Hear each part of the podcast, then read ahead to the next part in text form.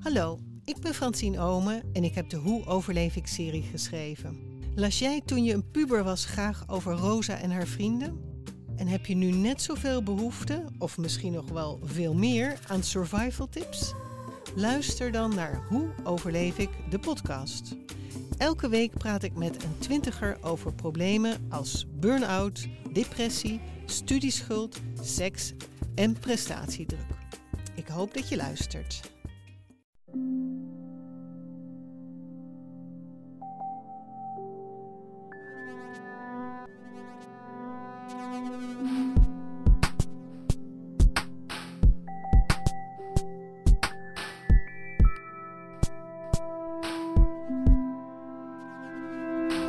Hallo, ik ben Pieter van Relaas.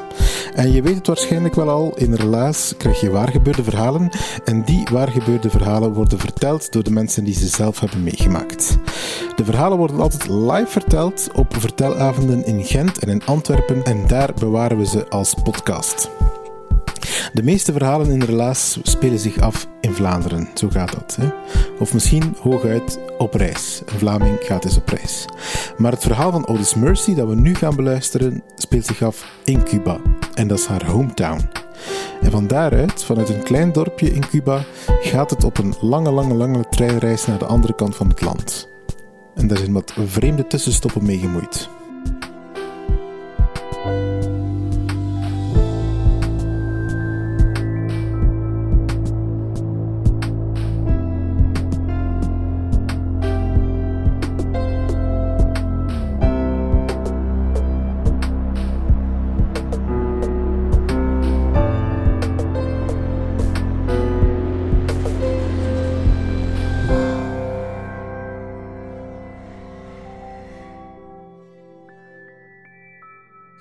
Ja, met mijn verhaal neem ik jullie naar 20 jaar geleden, toen ik 13 jaar was en ik woonde met mijn mama in Camagüey, Cuba.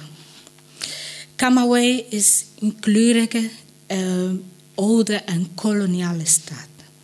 Zij is bekend als la tierra de los tinajones, de aarde van de kruiken.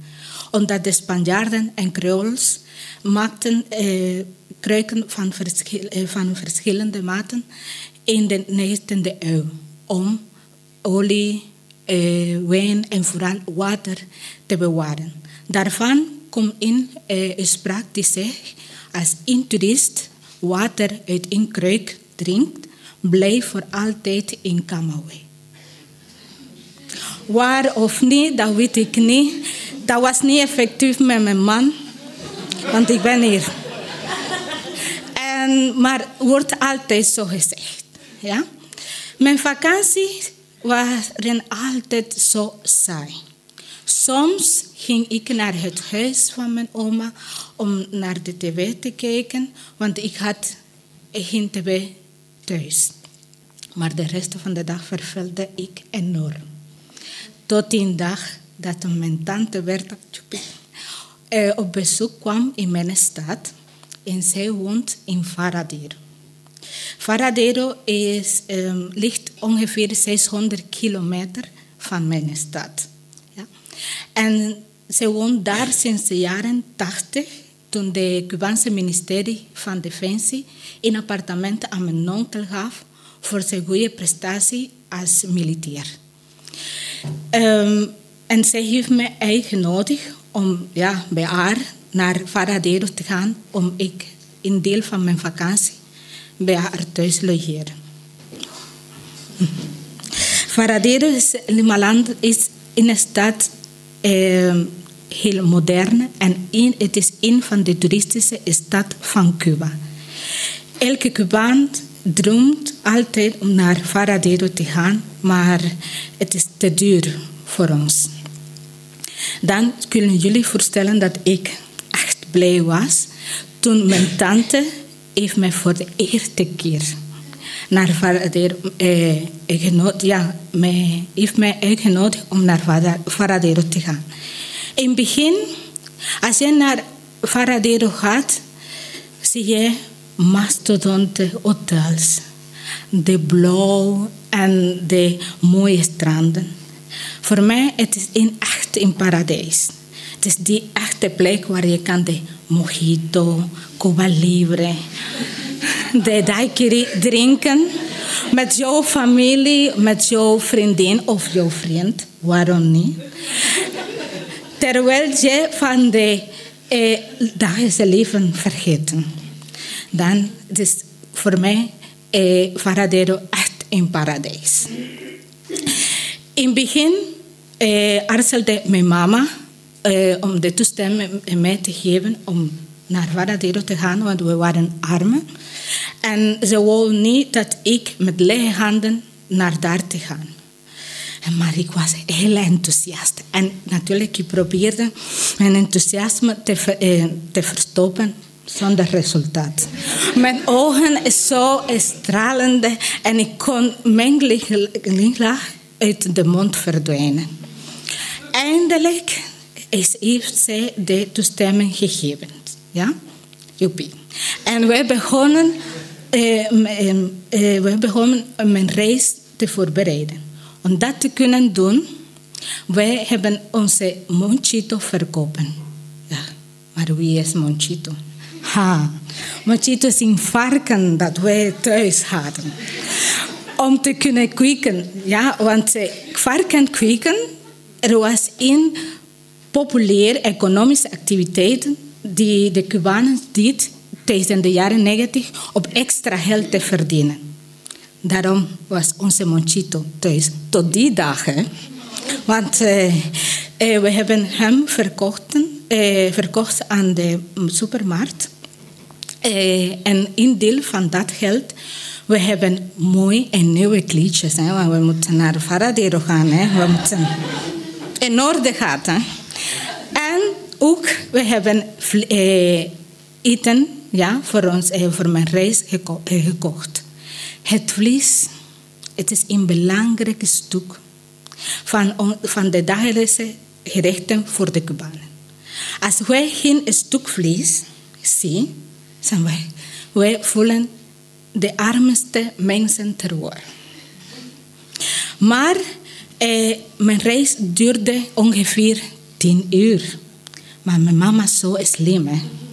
En eh, heeft in plaats van één stuk vlees die zo kapot zijn tijdens de reis, een levende kip gekocht. zo slim. Ze weten dat bij hem zal alles goed zijn. Dat was, er was een grote kip. Klaar om te geslagen en voorbereid. Wij, ik als kind heb ik hem bewaard in een zo eh, kartonnen doos. En ik heb zo rond de doos kleine gaatjes ja, geholpen om hij te kunnen ademen. Hè? En wij vertrokken van, mijn tante en ik vertrokken van Camagüey ongeveer om 9 uur 40. Dat was een avondreis. Hè? De Cubanen trainen. Oh my god. Gelijk aan de Belgische treinen. dat zou willen ik, dat zou zijn. Maar dat is niet waar, het is verschrikkelijk. Ze, hebben, de Cubaanse treinen uh, waren donkere wagons. Vol van mensen. Warm, buiten en binnen. Dat was juist in sauna. Als je wil vermageren, je moet een in Cubaanse trein rijden. En op het einde aflank je 15 kilo. Zeker, hè? Er is niet, het is het beste programma om te perfect te worden.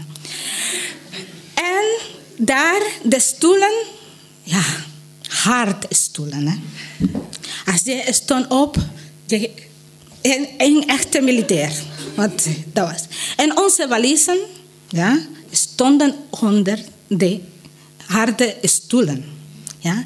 En de handvasten ja, van, van onze balies hebben wij zo rond, eh, vastgehouden eh, om, eh, rond onze enkel. Ja? Want eh, als je als slapen bent, waren slimme mensen die wachten om te stelen. En ik wil niet dat hij mijn mooie kleden aan iemand ander dragen. Dat moet hij goed bewaken. En als je wil slapen, je moet als een kat slapen. Zo. met zo in de een oog dicht en de ander open. Zo, zo slapen de katten. Hè. En dan ik heb het zo gedaan. Maar deze omstandigheden was voor mij geen probleem. Ik keek alleen naar Varadero.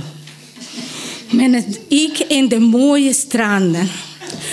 En ja, voor mij was het geen probleem. Soms keek ik voorzichtig naar onze kippen. Maar ze was rustig. Allemaal rustig. Natuurreis kwamen wij in het station van Ciego de Ávila toe. En uh, de trein bleef daar ongeveer 20 minuten. Daarom begrepen jullie waarom zo lang duurt een reis. En zodra de trein vertrokken was, kwam de conducteur binnen in onze wagons om alle tickets te controleren. Ja? Maar ik weet niet. Wat met gebeurde met deze kip. Hij was rustig, hè? echt rustig. En in, in zijn comfortzone. Maar plotseling begon zo lawaai te maken. Oh my god. En natuurlijk, ik als kind van 13 jaar klopte zo tegen de, de, de, de kartonnen doos om hij rustig maar. Ik, een kip, het geen persoon. En natuurlijk, hij maakte meer lawaai en dat is, dat is niet waar. En uiteraard, als de conducteur de lawaai hoorde, kwam naar ons, ja, met zo in eh, eh, lang gezicht, zoals in Cubana squat ben, is, ja. Mevrouwen, van wie is de kip die zoveel lawaai maken? Maar mijn tante, het is echt een rustige mevrouw. Zo, ik denk dat het de vrouw van Dalai Lama is. en met zo de die manier, ze heeft antwoorden dat de kip van ons was. Ja, maar mevrouw, je weet het heel goed dat geen levende dier in, in de trein mee rijden. Jullie moeten een oplossing zoeken, hè? En ik zeg, kijk, zo, ik was zo beschaamd en zo. En ik, want iedereen keek naar ons, hè. Middel van de nacht, hè. Iedereen keek naar ons en ik zei... En toen de meneer weggegaan, ik zei tegen hem... Tante, tante, wat zou wij doen met onze kip? Hai, schatje. Rustig, hè? Ze blijft zo zijn, hè? Rustig. Ga een oplossing zoeken voor onze kip. Ja, oké. Okay. En de volgende station stapte ze uit met de doos van de kip. En natuurlijk, ik word nog meer zenuwachtig en nerveus, want de trein duurt ongeveer een kwartiertje, 20 minuten elke station. En, en ik kijk voortdurend naar de deur en ik zeg, oh my god, maar ik kan niet de, de, de, de, de valies eh, alleen laten. En, en ik moet haar bewaken. En ik zeg, oh my god, ja, je weet het, ze gaat, ze de trein verliezen voor de stomme kip. En, maar na een tijdje kwamen ze in de trein binnen. Maar in plaats van in kartonnen doos, kwam ze binnen met zo'n hard eh, metalen emmer die bedekt was. En, ik, en ja, onmiddellijk, men, ik was nerveus, maar ik, op dat moment was ik niet meer nerveus, maar wel nieuwsgierig. Tante, wat is er met de kip gebeurd? Simpel, Odi. Ik heb hem geslacht. En met, en met één schaar dat ik in mijn tas, handtas heeft, heb ik de pluimen zo geknipt. En een man die buiten is en die huis verkocht, hij heeft mij een paar stukken huis gegeven en ook die emmer. En we hebben de kip zo verstoppen tussen zoveel huis en die emmer. En ik heb met één oude handdoek zo bedekt. En weet jij, Odi? De kip zal geen lawaai meer maken. Natuurlijk, maar als jij zo zegt tegen een kindje van 13 jaar, van dat generatie, niet van nu, hè. Eh, ja, ik, ik, ik, heb een mengeling van zo gevoelen tussen welvin en, en, en, en zo mededelen voor de arme kippen en voor de rest van de durfde ik, durfde ik niet naar de emmer te kijken. Want in plaats van de emmer zag ik een kip zonder kop, zonder pluimen, tussen huizen. En ik kreeg onmiddellijk kippenvel. Ja, alhoewel mijn tante wou de arme kippen behouden, we moesten in de volgende halt hem weggooien. Want de warme van, van de wagons smolt het huis en de toestand van de kip dat was helemaal niet meer goed. En alhoewel de, kip, de, de, eind, de, de eind van de kip zo triest was, moet ik zeggen dat hij was ik had het beste vakantie van mijn kindertijd. Ik moet ik zeggen dat ik ben naar de mooie stranden, het stranden geweest, naar de mastodonte hotel bezocht. Ik voel me in echt toeristen in mijn eigen land. En ja, geen mojito, geen uh, Cuba Libre, want ik, minder, ik was minderjarig en ja, ik kon niet dat drinken. Maar ik had zoveel, genoeg attractie en ik heb van deze attractie veel genoten. Voor lange tijd heb ik geen kip meer gegeten.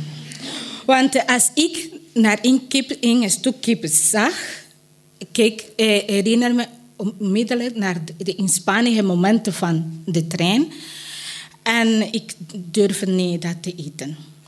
Tegenwoordig eet ik hier in België af en toe kip. Maar natuurlijk, ik herinner niet van dat verhaal. Maar wat zo veel geluk me maakt, is dat elke jaar, elke zomer, als ik naar Cuba ga, land ik in Varadero. En voor mij ik kreeg een gevoel dat het zal het beste vakantie zal zijn.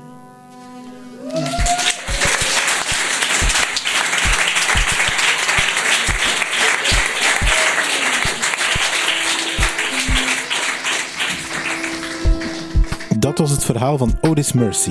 Ze heeft het verteld in Huset in Gent. Wij leerden Otis Mercy trouwens kennen via een samenwerking met FMDO. FMDO is de koepel van organisaties die werken met mensen met een migratieachtergrond. Eh, we hebben FMDO met Relaas geholpen om zelf een eigen podcast te maken met allemaal verhalen van over heel de wereld. Je vindt die podcast trouwens terug. Hij heet Hallo Micro en je vindt hem terug op SoundCloud, Spotify of waar je ook je podcast haalt. Ik neem hem er eventjes bij. Een verhaal van Otis Mercy, maar daarnaast ook het verhaal van Carolina, Imane, Mulume, Evgenia en Aisatu. En ik heb mij laten vertellen dat er binnenkort nog een aantal andere bij komen. Dus zeker de moeite waard en zeker eens checken. Relaas is het dankzij de Vlaamse gemeenschap en dankzij de stad Gent.